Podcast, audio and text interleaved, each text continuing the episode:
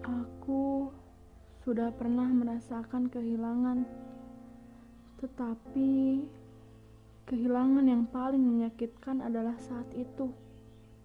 Pada bulan April, aku kehilangan semuanya: harapan, tujuan, kasih sayang, dan senyuman.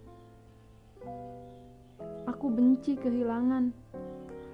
Aku juga benci sendirian.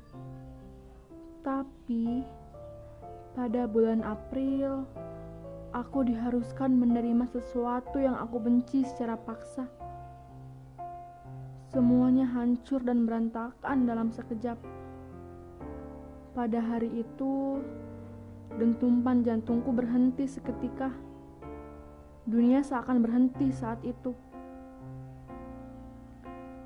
Lalu aku dijatuhkan di antara ribuan perisai. Hujan badai pun ikut menyaksikan, menambah perih yang aku derita. Andai ia tak pergi, perih itu pasti kulewati. Begitulah kisahku di bulan April. Bulan yang penuh dengan kejutan yang menyakitkan.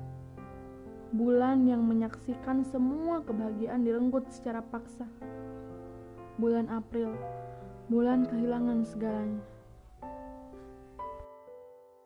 you